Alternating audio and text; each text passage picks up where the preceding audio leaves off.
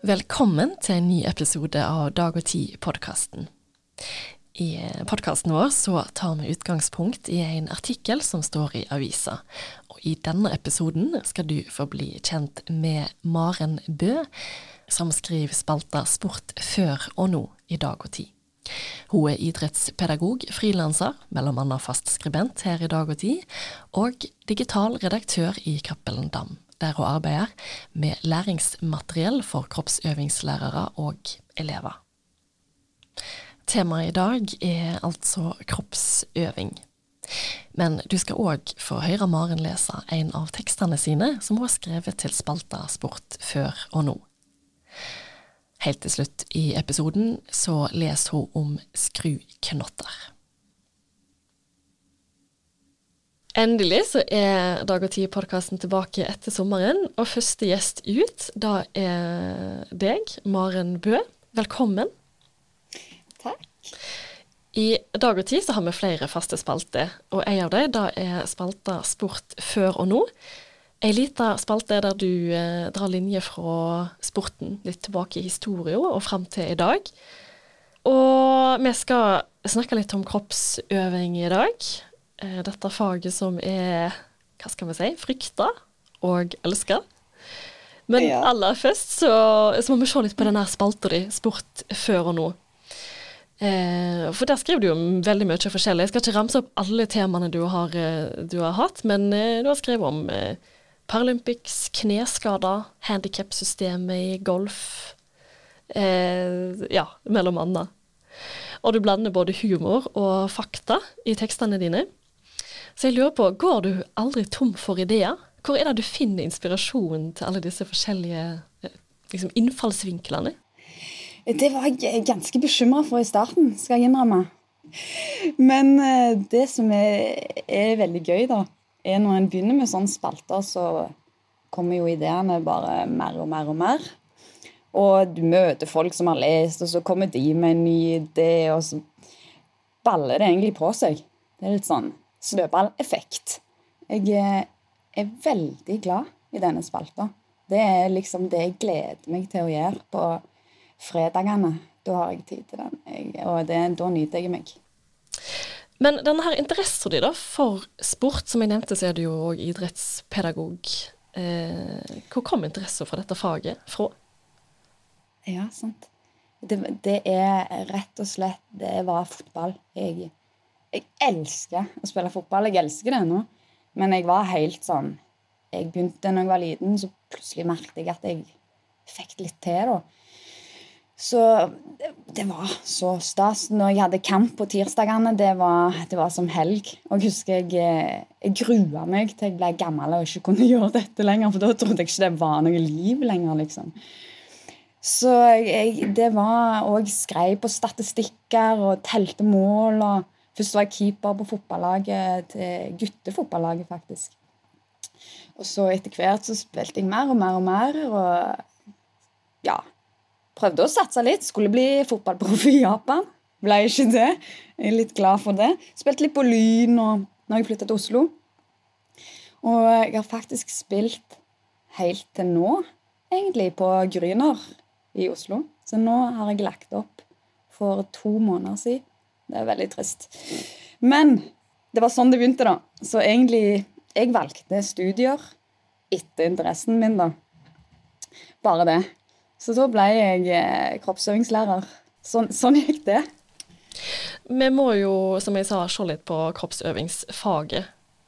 Eh, som, ja. eh, som, du har holdt på med en stund. Um, og selv om det for meg er litt vanskelig å innrømme det, så begynner det faktisk å bli noen år siden jeg gikk på skole og hadde det vi kalte da for gym, men som nå heter kroppsøving. Og eh, når jeg eh, skulle snakke med deg eh, til denne podkasten her, så begynte jeg å tenke på hva Har kroppsøving endra seg siden jeg gikk på skolen? Ja. ja. Um, for det kom jo nye kompetansemål i 2020. Så da, det passer jo bra, siden du skriver spalte og sport før og nå. Og vi kan ta liksom kroppsøving før og nå. Hvordan har det endra seg? Ja. Heldigvis har det endra seg, tenker jeg da. Det, jeg, jeg, vil nesten si det er en kroppsøvingsrevolusjon jeg er nå.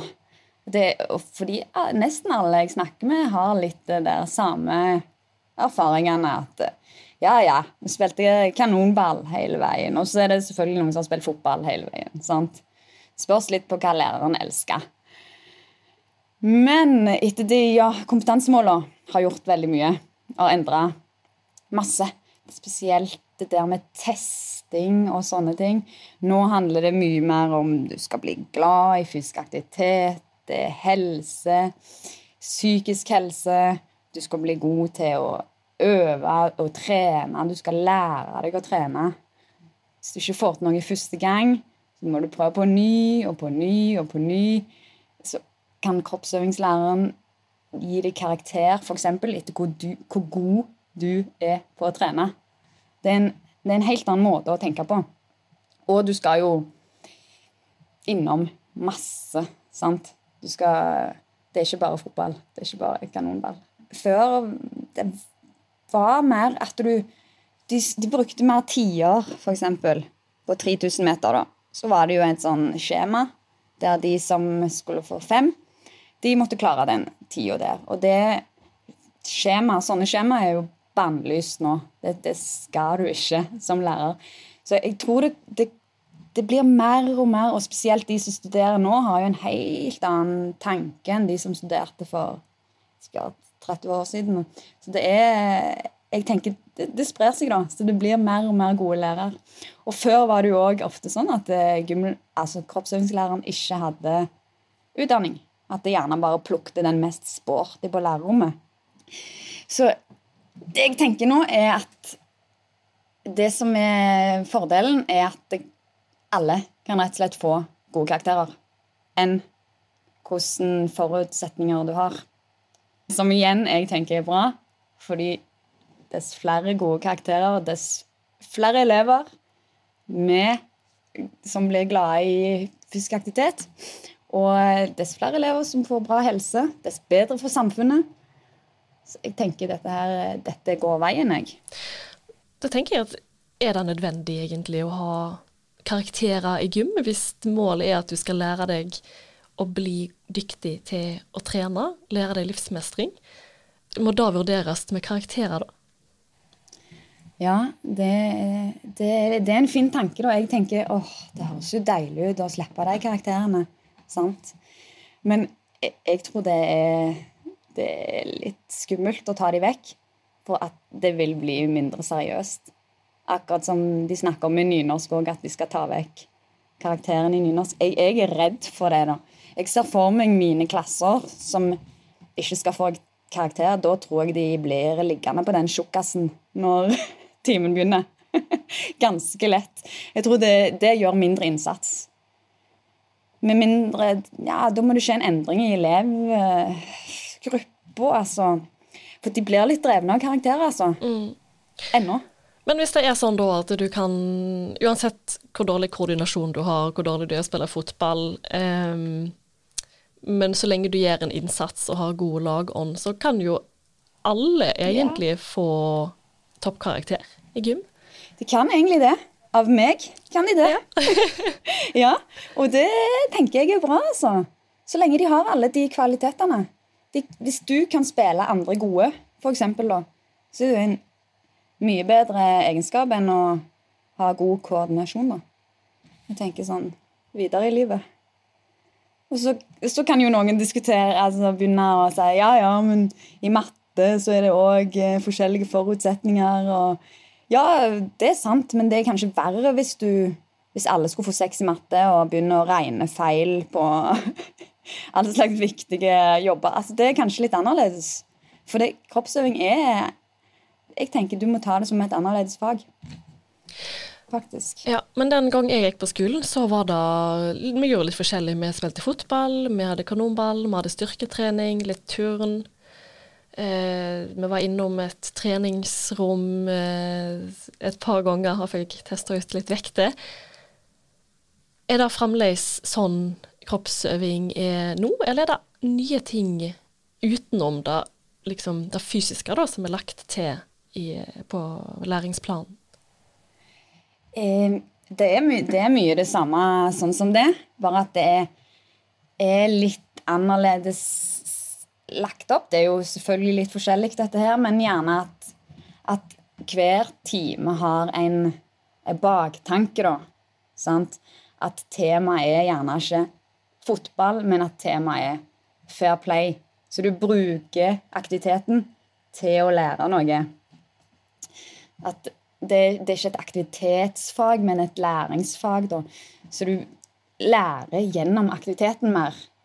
Og selvfølgelig òg eh, prøve å ta inn all slags andre ting, da. Ikke bare de klassiske tingene. At er det en i klassen som kan skate, så drar vi og skater. Sant? Er det noen som driver med omtrent e-sport? Altså, det, det, det, er veldig åpent. OK, ja. ja. Men, men, du driver jo og skriver læringsmateriell eh, for kroppsøvingslærere og elever. Har, et, eh, har kroppsøving òg blitt et fag der du må skrive og lese? Nei, det er ikke målet. Det er ikke det. For det er det jo mange som er redd for. Åh, skal vi få teori her òg nå, liksom? Um, det er ikke målet. Målet er mer å lære gjennom aktiviteten. Så jeg har tatt helt vekk f.eks. den vanlige teoriprøven. Så lenge du klarer å få sett elevene nok, at du klarer å gi, se nok til å kunne gi dem karakter, da, så må en ikke trenge den teoriprøven, f.eks. Så det, nei, ikke mer skriving. nei. du har vært litt inne på det, men uh, kan du kort fortelle hva er rolla til kroppsøving i skolen i dag? Ja, sant. Det, det, burde jo vært en enda større rolle enn hva det er nå. Men uh, sånn som det er nå, er det jo De har to timer i uka, de fleste. Og, og, der skal du jo få inn Altså, hva er rolla? Ja, at de skal bli glad i fysisk aktivitet. Men jeg, jeg føler jo ikke det er nok, jeg, da. Det skulle vært enda mer. Heldigvis er det no, ganske mange skoler som har noe som heter FysAk, der de har litt mer sånn friere fysisk aktivitet. Så der får de gjerne enda mer eh, input. Men eh, ennå så syns jeg det henger litt igjen fra gamle dager. At det er litt sånn To timer, det er det, og ferdig. Men vi prøver. Og vi jobber jo tverrfaglig, f.eks. Og eh, mattetimene er ute, og Sant? Alt det der hjelper på. Har du gjort deg noen tanker om hva som gjør at gym har blitt et sånt fag som mange gruer seg til? Og som mange syns er ubehagelig? Ja, jeg tenker kanskje det er den Jeg tenker jo spesielt at det henger litt igjen fra sånn det var før. F.eks. det å springe 3000 meter på tid, eh, det kan være forferdelig for mange. da. Jeg tenker det er en Det er jo noe. Og så er det jo òg det der at det er kroppslig. Du må skifte. Du må vise, vise, deg fra en helt annen side. Du må litt, kanskje litt ut av skallet ditt. Og, og at det nå er mindre folk Altså folk beveger seg mindre enn før. Det kan jo òg ha noe å si. Og så er det f.eks. dusjing og garderober. Det er et annet, ofte et annet bygg enn skolen. Det er Det kan være litt sånne ting, da, som henger igjen. Maren Bø, tusen takk for at du var med her som gjest denne uka. Sjøl takk, det var veldig kjekt. Du skal nå få høre Maren Bø lese om skruknotter. Dette her er spalta Sport før og nå.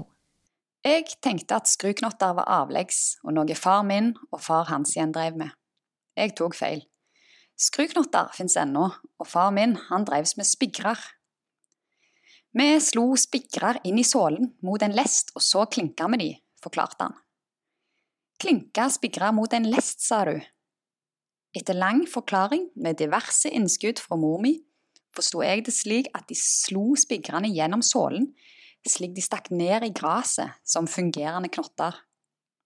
På spørsmål om dette ikke var livsfarlig, svarte han at spigrene jo hang fast, og så var de jo som sagt klinka mot lesten. Altså ikke så spisse. Litt vondt var det visst likevel når spikeren kom inn i foten. I min barndom, på 1990-tallet, gikk det egentlig bare rykter om spillerne med skruknotter. De var livsfarlige, både menneskene og knottene. Nå er skruknottene hovedsakelig for de profesjonelle, det vil si de som får spille på ekte gress. Ei våt gressmatte krever det beste av festet, og det får en ved å skru på knotter, vanligvis lagd av jern eller karbon. Moderne fotballsko kan ha en blanding av skru- og ikke-skruknotter. Kvaliteten er selvsagt god, men bruken av de handler òg om smak og behag. Forsvarsspillerne trenger kanskje aller mest dypt feste, mens angriperne kan gå for lettere sko uten skruknotter, sjøl på vårt gress. Men til alle halvprofesjonelle som er glad i utstyr, skruknotter er altså ikke å anbefale på kunstgress, og i banefotballen normalt forbudt. Etter denne teksten var på trykk, fikk jeg en liten rettelse av far min. For de slo visst ikke spigrene slik at de gikk ned i gresset. Det var knottene som ble festa med spigrer, fra undersida av skoen. Og dersom spigrene gikk gjennom sålen, da ble de klinka mot en lest så de ikke skulle stikke inn i foten. Du lytter til Dag og Tid-podkasten, og helt til slutt nå så fikk du høre Maren Bø lese spalta si Sport før og nå. Abonnentene våre med komplett eller digitalt abonnement de kan hver uke lytte til et utvalg artikler i lydavisa vår. Og er du nysgjerrig på dette, så kan du bestille et gratis prøveabonnement på dagogti.no – prov. Takk for at du lytta.